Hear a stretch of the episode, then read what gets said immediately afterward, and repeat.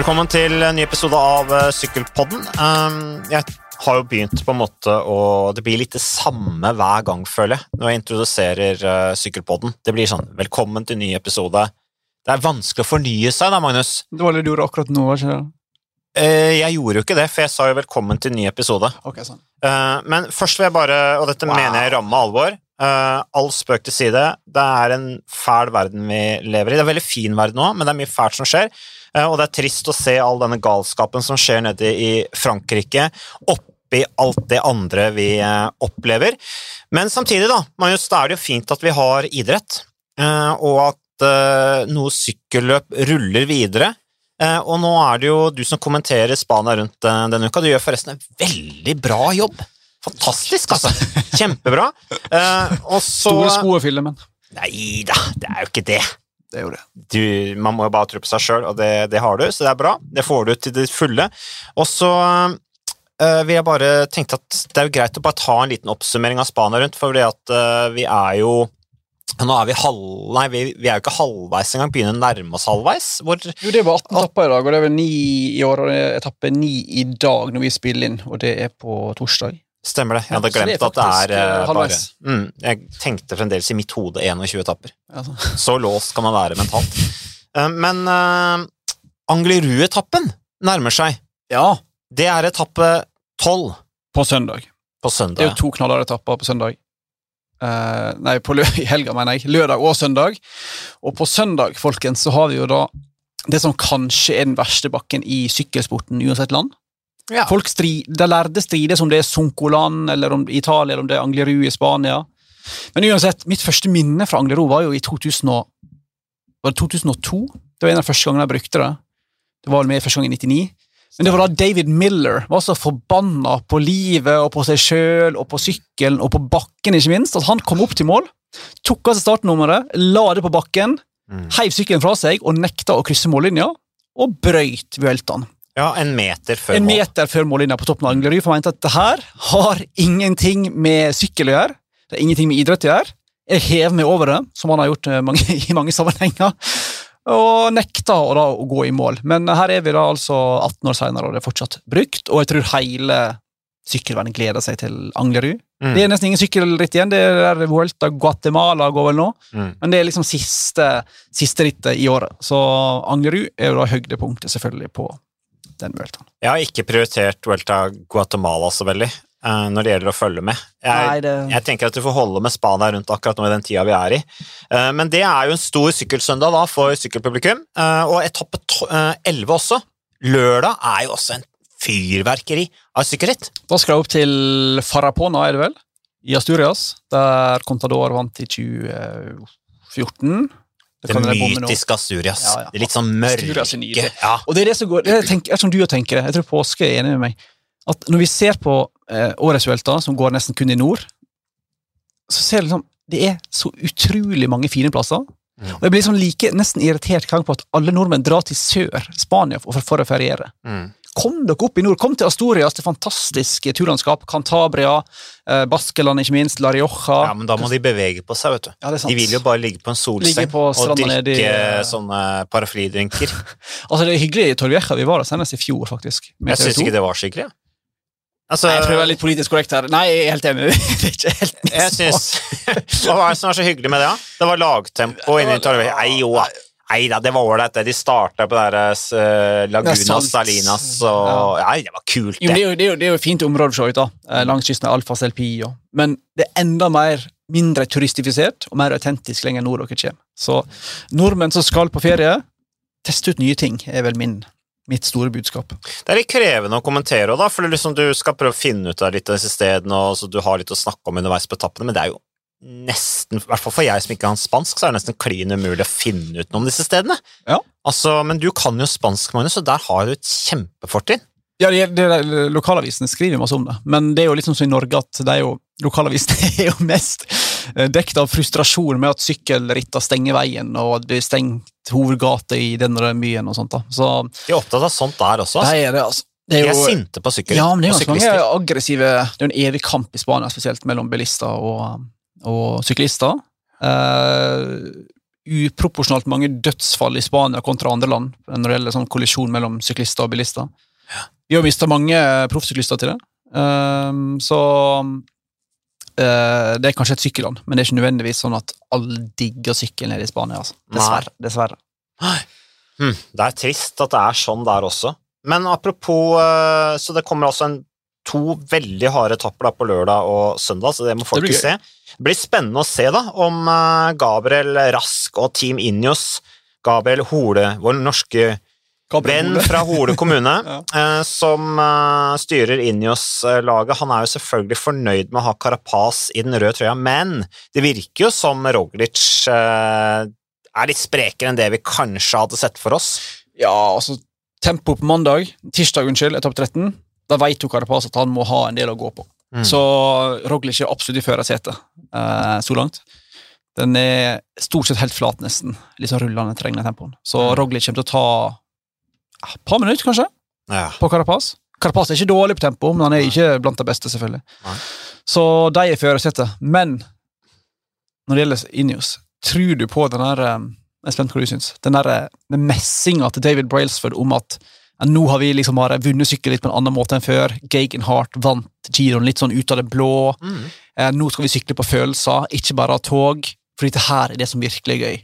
Mm. Jeg tenker eh, bullshit. Dere, jeg tenker at han bare Ja, men du tror jo aldri på sånne ledere. Nei, Det blir så mange. Mektige ledere Han som har har på en fått til mye, tror du aldri på. Han har forfekta liksom det der toget sitt i alle år, og det viktigste er å vinne. Og så plutselig så vinner han på en annen måte, og da er det litt sånn Nei, nå er det dette tar som er tingen. Braceford ble inspirert. Han ble jo det. Men tror, tror ikke han bare liksom snur litt retorikken etter eh, landskapet da? Nei, altså jeg tenker at eh, se det, som har skjedd nå med, det som har skjedd nå med rundt det taktiske, det, altså det som skjedde i Giro Italia, tror jeg kan være med å endre litt den måten man angriper sykkelløp på, i utgangspunktet, blant de store lagene. Eh, Det der å stille med eksempel tre ryttere som har eh, har egenskaper til å faktisk vinne rittet, og i stedet for, la oss si Theo Gegenhardt, da. Hvis Geraint Thomas hadde eh, fremdeles vært, eller ikke hadde veltet ut av Italia rundt, Da hadde jo jeg kjørt den da hadde Theo Gegenhardt vært kanskje nummer eh, den siste i toget, eller nest siste i toget opp fjellene. Ja? Hvis man skal se det sånn, sånn, hvis alt hadde gått som smurt, da, sånn som det pleier å gjøre. Men hva med å liksom sende Theo Gegenhardt i brudd i stedet? Eh, litt tidlig eh, i store brudd, eh, og feltet mister kontroll på det, og de sier ja, men vi har tillit til Gegenhardt, vi tror han kan vinne, eller at de sitter med ledertrøya og sender for eksempel med, med ledertrøya på, på Geraint Thomas og sender Theo Gegenhardt i brudd og sier ja, men Theo Gegenhardt kan få lov til å vinne, han. Det er helt greit for oss, vi har tillit til at han kan gjøre det. Det, det, der, det som jeg syns var kult med, med Italia rundt, det, det, jeg, det jeg så av det og fulgte med på det, var det derre hvordan man kan hente inn store avstander eh, hvis man bare er tålmodig og tar etappe for etappe. Eh, og det tror jeg eh, Det er jo mer bingo-metode enn det Ineos er vant til. Tror du ikke at de kommer til å skifte? Det er vel hovedspørsmålet mitt. Tror du de kommer til å skifte noen slags eh, grunnstrategi når de går inn i Grand Tour? Bort fra det der toget som bare mørner feltet fjell etter fjell, og går over til mer sånn her eh, Movistar, skyte ut en ritter her og en ritter der? Ja, eller kjøre Team Det kunne Quickstep-taktikk i etapperitt. Altså, det kunne Quickstep-taktikken har vært litt det der å, å sende en gjeng i brudd, og så er det den første til å, støtes, til å støte som på en måte kommer løs og vinner. Det hadde vært kult hvis de gjorde det, og sendte sånn som Quickstep, sende alle sine beste til de viktigste rittene. At du sender liksom da eh, Carapaz, Bernal eh, eh, Så helt stille jeg på alle andre gode. Geigenhardt, ja. Thomas, mm. uh, Kwiatkowski. Send bare skikkelig A-lag, og så gå, med, gå inn med Yates. Yates, ikke minst, Richie Port. Mm. Uh, bare sende skikkelig toppa A-lag i Toren, og så bare ta det dag for dag. Det er jo dødskult, helt enig, men jeg tror ikke det kommer til å skje. Nei, Jeg tror ikke det er Quickstep har liksom to hjelperyttere. Ja. Resten er på en måte alle vinnerkandidater. Eller bare én, bare de Klerk godt Ja, eller bare én, og heldigvis så har de han, da, som kan sitte og taue og dra i time etter time etter time. Så, så, og dag etter dag etter dag. Men, men eh, nei, det blir veldig spennende å se. Jeg syns i hvert fall det virker som Braceford så at her var det et sykkelløp som eh, hadde appell fordi at det var litt annerledes. Ja, det, jeg tror han også skjønner at det er det et behov for blant sykkelpublikum, da. Ja, så prøver han å hause opp alt han kan disse dager når uh, den eh, rettssaken å som pågår i Manchester, er et eh, daglig uh, shitshow, for å Mm. bruke et dårlig norsk ord. Det, er jo et, uh, det tar en hel podkast å forklare hva som skjer der. Men det er selvfølgelig litt med, får jo med seg at uh, tidligere laglegen er under sterkt press og kritikk for å ikke ha kontroll på noe som helst, virker det som, i Freeman, ja. ja, Freeman. I um, Hva heter han til fornavn igjen? Richard Freeman. Richard Freeman. ja. Så, men ja, han er jo ute og kjøre mentalt også. Han, nå hadde han jo for noen dager siden orket han jo ikke å fullføre høringen igjen, eh, fordi han var helt ubalanse, og forsvareren sa at vi er bekymra for han. Og alle disse PC-ene han skal drive og ødelegge. Det var fire stykk. Han miss, ene ble stjålet. Den andre knuste han med vilje med verktøy. Den tredje kommer han ikke inn på harddisken sin, og den fjerde kan ikke han logge på. Altså, det- blir jo, det blir jo for, for dumt, da. Og der står han helt alene. Jeg ser ingen andre inn i hos sjefen rundt han der i den saken. Så det, og klart, det er det du sier, da, når han har en litt sånn eh, trøblete mental tilstand, som han har vært åpen om, så får du nesten mer vondt av han enn du klarer å bli forbanna på han. Ja, det blir sånn la fyren være i fred, Ja, måte. nesten, men det er veldig Ja. viktig det som skjer nå, da, for du Ja. får jo avdekka hvor hyklersk masse av i alle fall de første åra i Team Innos var, da, når det gjelder lederstruktur og, og administrering av medisiner og Ja, hvis det ble gitt til utøvere, og det er jo det det store spørsmålet her er. ikke? Det er en høring for å se om han Freeman fremdeles er kvalifisert til å ha legelisens. Det er jo det det handler om. Eh, og hvis det i tillegg da viser seg at han har brutt idrettens regler ved å gi ut forbudte stoffer til utøverne, så vil jo det være et tilleggselement over det hele, tenker jeg, Mm. som gjør det bare enda mer alvorlig. Men eh, han selv påstår jo at testosteronen, for eksempel, som han bestilte, den var ikke til uh, Hva skulle han med den? Du ja, det var jo han tren, treneren som da sleit med å få den opp. Ja, rett og slett. Så, og det, og jeg, kan, jeg tror ikke jeg kan si det på noe finere måte enn det. Nei, det det Nå, nå grudde du deg veldig til at jeg skulle si Beskrive sånn- Beskrive det her på en mye Sånn mer harry vits der med sånn ordlegging Ja, som jeg kjører hjemme. han Ja. fikk den ikke opp. Og da bestilte Freeman testosteron til han, og, og, og han nekter jo for, nekter det. for det. Den australske treneren, hva heter han igjen? 17. 17, ja. Han ble jo fly forbanna når han i, da i denne høringen fikk beskjed om at han var impotent. Og Kan du skjønne at han blir sur for Ja, sur for Det da? skulle han i hvert fall ikke ha noe av, liksom.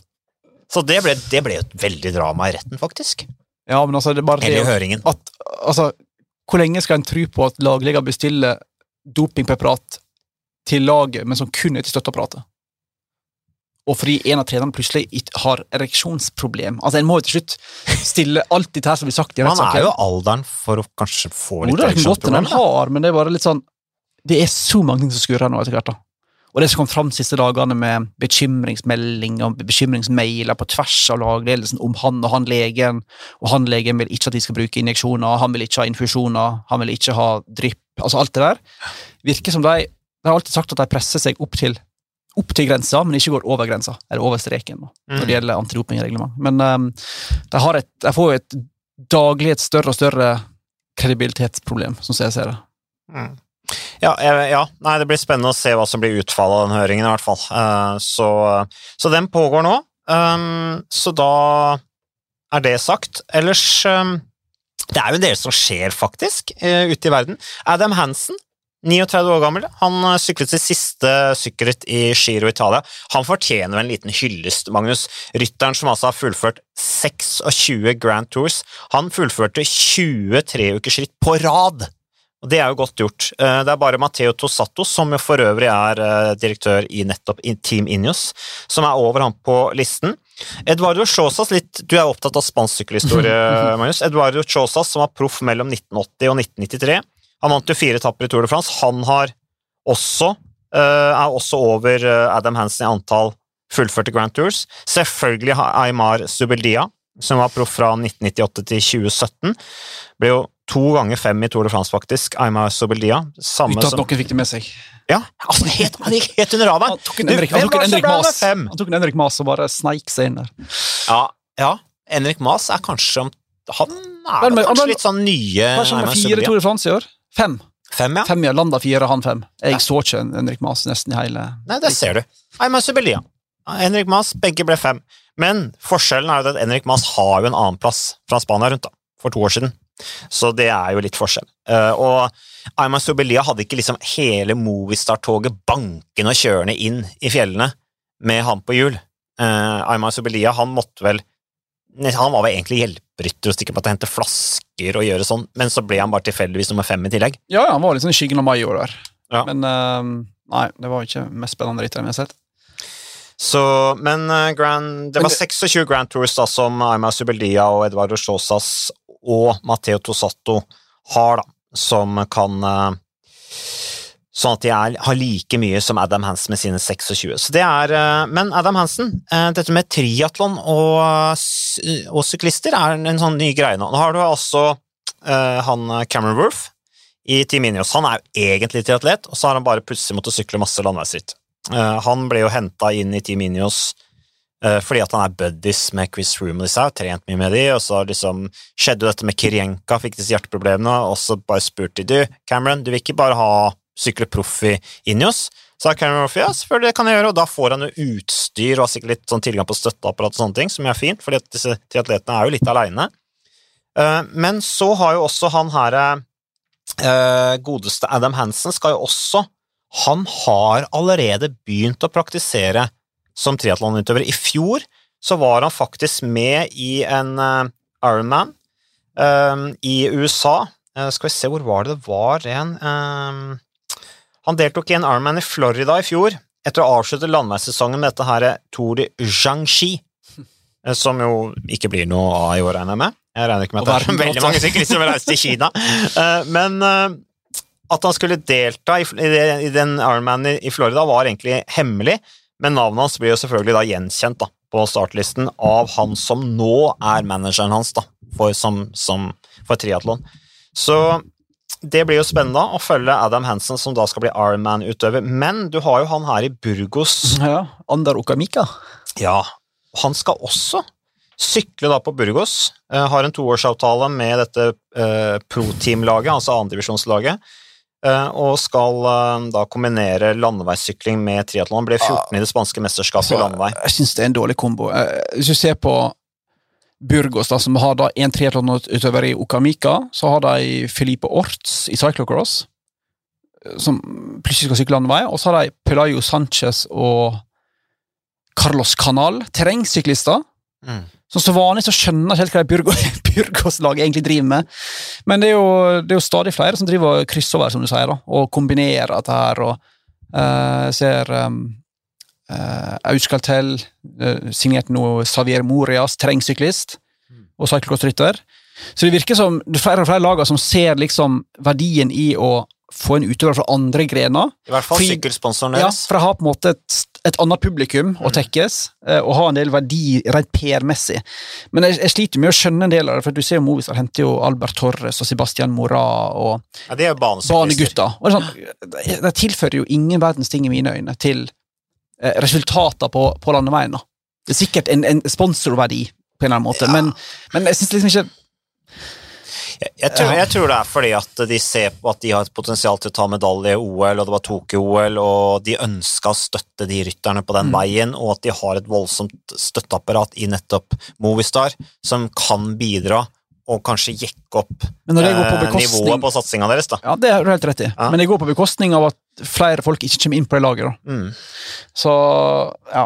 Og det tror jeg er litt tilfellet her med Du snakker om terrengsykling og sykkelcross, at de på en måte kommer inn i landeveislagen. Det tror jeg rett og slett er sykkelsponsorene, Mm. eh, og at de utøverne ønsker seg et større apparat bak seg. Og det er klart for, for et storlag som, som for eksempel eh, Injos, da, å sende én mekaniker, én massør, for å støtte Cameron Roof i en eller annen uh, triatlonsammenheng, med, med, med sykler og alt sånt klart. Det er klart at det er, har stor betydning. Jeg har inntrykk av at en del av triatlonutøverne på høyt nivå, de er ganske aleine. De må frakte syklene sine sjøl og gjøre alt sjøl, så plutselig så har de et, et skikkelig støtteapparat bak seg. Og så er det også dette med sykkelsponsorene, som jeg tror har en viss interesse av det. Er et ganske stort marked, med triatlon, uh, sykkelcross med gravel kommer jo veldig, du har terrengsykling. Det er klart at det er interessant for de eh, og, og, å kanskje ha en rytter at de kan si til laget vi vil gjerne ha en som også konkurrerer på vinteren, så kanskje øker vi Sånn støtten sånn litt ekstra. Eller? EF gjør med Lackland Morton og en del av disse gutta som sykler masse gravel. da. Ja, jeg tror det er en moderne måte å drive sykkellag på. Så, så det er eh, det, vi må, det, vi, det vi må snakke litt om, er at det er jo eh, i tolv timer på overgangsmarkedet nå. 1. november er jo en litt sånn der dato som Det er jo ikke et cut-off point, altså det er jo ikke en- frist, men da skal jo mange av disse her eh, dokumenter registreres hos UCI. og uh, melde, en, del, en del må være klart 1. november, og det står jo en haug med ryttere på um, perrongen. Over 60 er som sykler Vueltaen står uten kontrakt. Jeg så Team Sapura, et sånt kontinentallag fra Malaysia. Som, ja, Malaysia, det, det er jo ikke verdens høyeste nivå. Nei. Har fått tilsendt over, var det over 50 eller 60 CV-er, mange fra Worldtouren, og mange som faktisk sykler Vueltaen. Altså at Vuelta-ryttere i Worldtouren faktisk sånn, ber på sine knær kan jeg få lov å sykle for dere, et malaysisk kontinentallag. Da står det altså dårlig til, altså. Da er det ganske desperate tider for mange av disse gutta. Uh, og Snakka så vidt med Uno X, òg, de har jo fått uh, rimelig mange henvendelser uh, siste tida, Mm. og fra World Tour-ryttere som bare Er det en plass til meg, kan jeg få lov å sykle? På lav lønn, samme hva det er.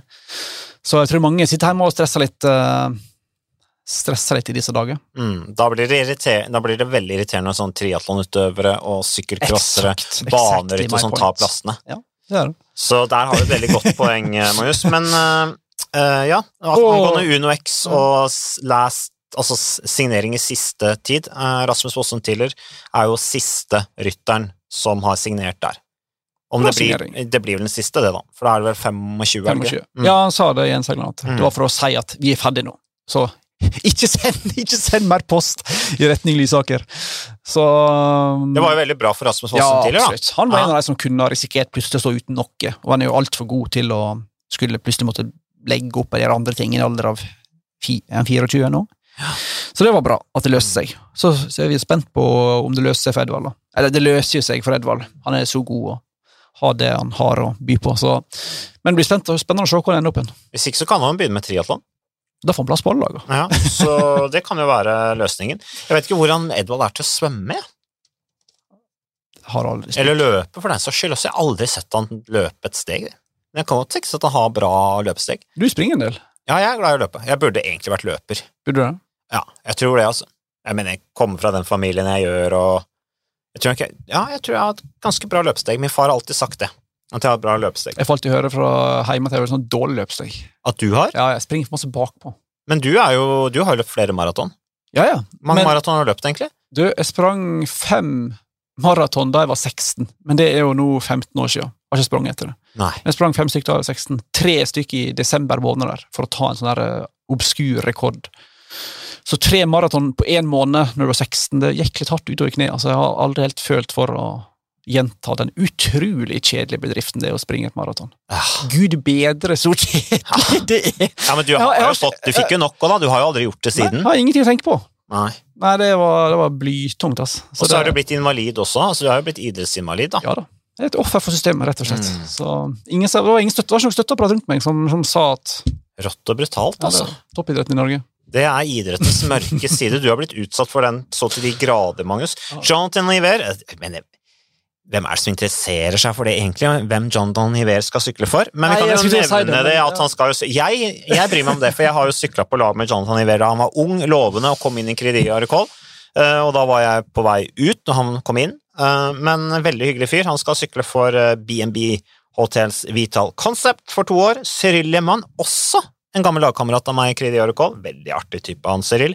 Han skal gå fra Coffedis til BNB Hotels uh, Vital Concept for ett år, så de går den der resirkuleringen Det litt- i det franske systemet. Det er litt som norske fotballtrenere som bare går rundt og rundt, og engelske fotballtrenere som bare bytter liksom altså Sam Allardyce og Mark Hughes og alle har vært i alle klubbene. Sammen med disse franske gutta. Det er bare to-tre år her, to-tre år der, to-tre år i Agutuer. Mm. Og så går du igjen til Kofidis og BOB, føler jeg, eller Arkea, på slutten av karrieren. Så ett steg ned.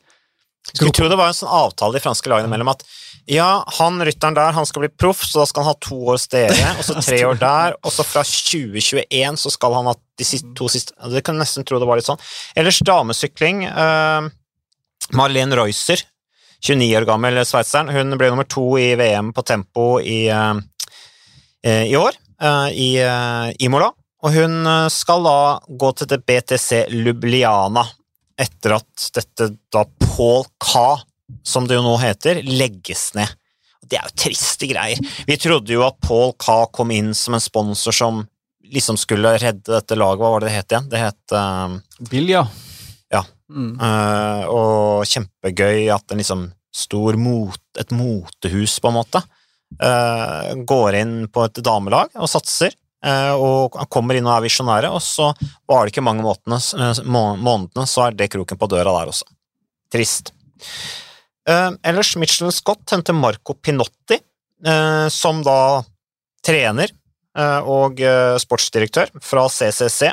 Så det er jo spennende. Han er veldig god på tempo. Skal bli spennende å se om han kan jobbe med tempostillingen da til Amund Grøndal Jansen. Så det blir spennende å se. Ellers, det store navnet som en av de hva er det største navnet som nå står uten kontrakt? Det er et godt spørsmål. Det største navnet, hvem har du kunnet tenke på, siden du spør? Victor Kampnes, kanskje? Han så han kanskje har lyst til å bli brannmann isteden. Ja.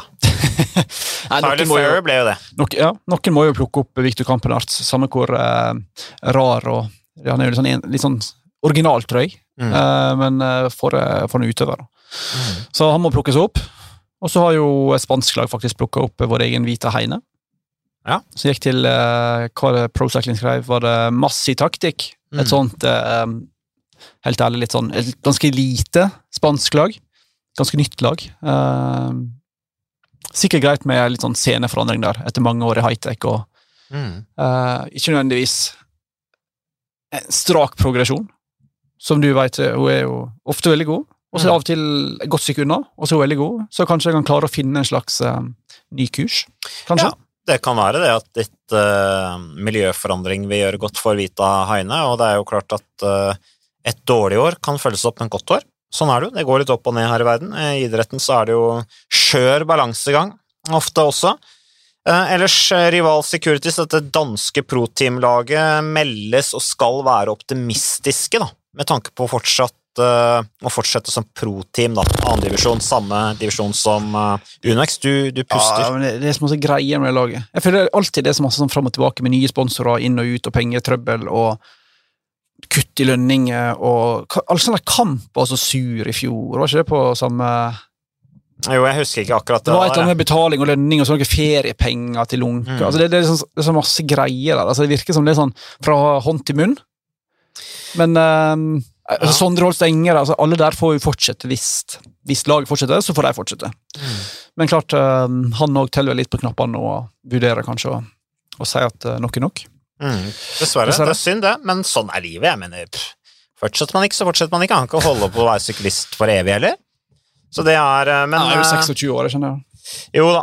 eh, Rytterne skal få svar innen 1. november, og det er jo akkurat to dager til. Da, Det er akkurat det. Så den 1. november-datoen er viktig for mange. Så um, da vet vi om August Jensen og Sondre Holst Enger har en plass da, på dette danske laget, eller om det legges ned.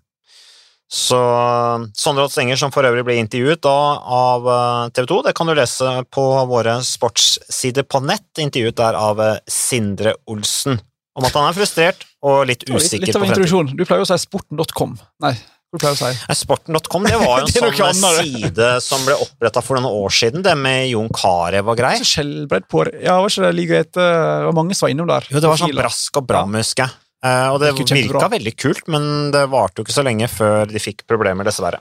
Det er jo synd når folk satser. Uh, usikkerhet om Santos Tour Down Under uh, for 2021 uh, har jeg notert her, men nå, i dag I dag er det altså torsdag, kommer det fram at det er sannsynligvis avlyst. Eh, Så det er eh, kjipt. Tour Down Under, som jo er blitt en tradisjon på den internasjonale sykkelkalenderen, dette rittet i Australia. Damenes Tour Down Under skulle jo faktisk etter planen da starte om bare 11 uker, altså 14. januar allerede, og da hadde vi jo liksom Da hadde jo ventetida blitt litt kortere, da. Samtidig er det kanskje, kanskje er det like greit for rytterne at det nå blir en litt lengre pause til sesongen starter opp igjen. I den Absolutt. situasjonen vi er Det har vært en lang sesong. Så. Ja. Men la oss prate litt avslutningsvis om Tour de France. da. Ja, det må vi prate om. Det begynner å nærme seg eh, løypepresentasjon. Ja. Riktignok utsatt til noen dager. Kommer vel på søndag i en slags virtuell variant. Ja, det skal vel gå på en fransk TV-kanal, eh, men det blir jo ikke noe sånn eh, stor galla ut av det i det hele tatt, med intervjuer av ryttere og journalister til stede. Like greit, altså den der seremonien der nede. Gud bedre, så kjedelig. Og Ja, så langt. bedre, Og alle ordførere skal opp og si noe. Ja. Og alle rådmenn og Ja, politikere Så fint, tenker jeg. kommer aldri til poenget. Det er jo så bra at de får sagt det de vil si om å være verdt for selveste Tour de France. Ja, det er en stor opplevelse. Masse fine refleksjoner over hva vi egentlig gjør, og hvilken plass vi har her i verden. Jeg har aldri vært Nei. Men jeg så jo, nei, jeg så jo åpningsseremonien av årets Tour de France, eh, og jeg må jo si at løypepresentasjonen av Tour de France har vært mye bedre enn hva årets åpningsseremoni av Tour de France var, for den var dårlig, altså. Du, du husker den ikke engang, ikke sant? Og du var Jo, jo stemmer. Ja, det var, det var, det var, Det var veldig dårlig. Det var greier. altså. Altså, alt var jo usynkt med lyd og bilde og ja, var masse greier. Og så tror jeg kanskje det var litt preg av at det var folk som vanligvis filmer syklister, som plutselig da skulle filme et sceneshow. At det er kanskje to vidt forskjellige ting. Det tenker Men- jeg, da. Ja, det er sant. Men den løypresentasjonen blir jo spennende. Eh, men som vanlig så vet vi jo det aller meste på forhånd. For det er jo sånn at eh, det er noen sånne spesialistnettsider, VeloWire blant annet, som sitter da og saumfarer alle mulige sånn hotellbookingssider, eh, lokalaviser, for å finne ut liksom Oi, i den franske byen der var det plutselig helt tomt for hotellrom en natt i juli. Sant? Så Mm. skjønner jeg oi, da blir det by- start eller start Ganske kult. Det er det. Eh, men løypa ser en kort fortalt ut til å begynne i Bretagne, det vet vi. Oppe nordvest i Frankrike. Så ser det ut som det går til, Brest. ser det ut som det går til um, Landerneau. Alpene. Mm? Ja, ja, du tenkte på Jeg tok første etappe, Å, ja, med sånn, ja. bakketoppavslutning Altså, allerede ja, på første sånn etappe. kuperte varianter. Og så er det. Mur Bretagne, visstnok, på Ja. andre etappe. Den gode Det er blitt en flott avslutning i Tour de France, de Bretagne. Eh, og så er det Alpene, så kan du fortsette De skal blant annet til Kian. Ja, og så skal jeg vel til Grand Bourna, som vi kjenner godt etter hvert. De skal ikke til Alpe men de skal til Mont Ventoux, ser det ut som. Ja, og enda viktigere, du går jo glipp av det eneste som er viktig med løypa. Oi. De skal starte i Seré 11. juli. Oi, oi. Det er min Det var der jeg bodde Mm. i fem år. Tor Hushovd har bodd der også. Og den etappen skal da gå til Andorra Val Nord. Eh, og det blir en flott etappe, altså. Det er på en senere måte- det, det er mitt område, det var der jeg bodde. Det blir fantastisk. Så den, eh, Men- det blir jo da før første nei, andre hviledagen. Ja, og skal det være, Før den tid skal det være en lang tempo, sannsynligvis. Det ryktes opp mot fem mil individuell tempo i første uka. Mm. Så det blir en stor forandring for det vi har sett siste åra. Vi har ikke hatt så langt tempo siden 2013. eller noe sånt. Så blir det masse i, i Pyreneene, ser det ut som. Eh, Der det blir opp til Luz Ardiden, der Dag Otto vant i, på Bastille-dagen i 1987. Åh, da blir det mye mimring, da. Ja, det blir det. Og så er det snakk om ja, Mont Ventoux har vi nevnt. Og så er det snakk om en tempo til i, eh, i Bask, eller i, i Pyrenee-området. Og så noe avslutning liksom oppe i Bordeaux der, tror jeg, og så opp til Paris. Ja, så nest siste etappe skal være, hvis ryktene stemmer, en Ja. 30 km lang tempo. Dette er jo en Så det lukter Tommy Tom løype- og Roglic og Ja, og ikke minst uh, unge Remco Evenepool. Ja, det er sant. Ja. Alt passer jo an.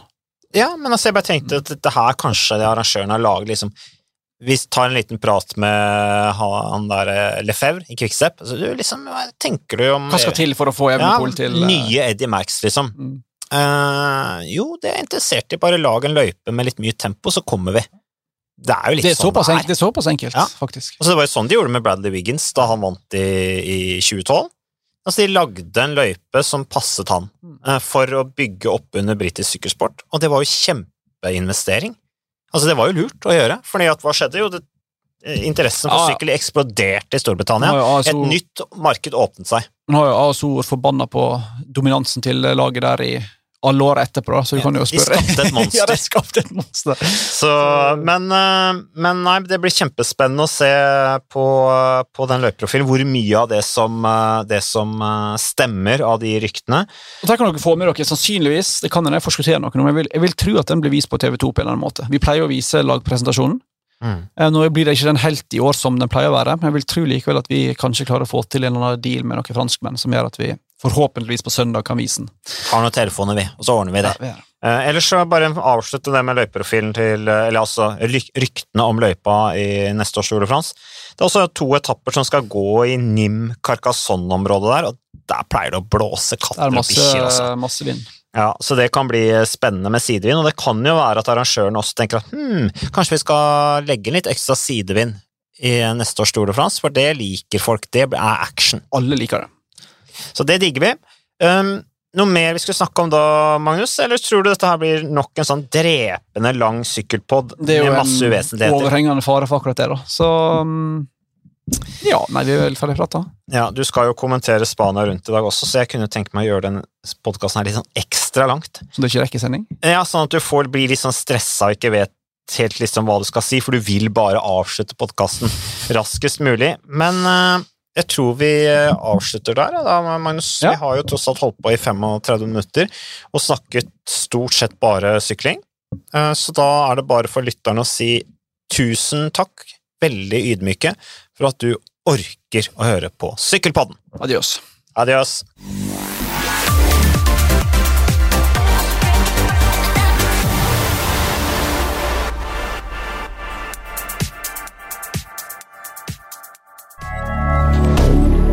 Moderne media.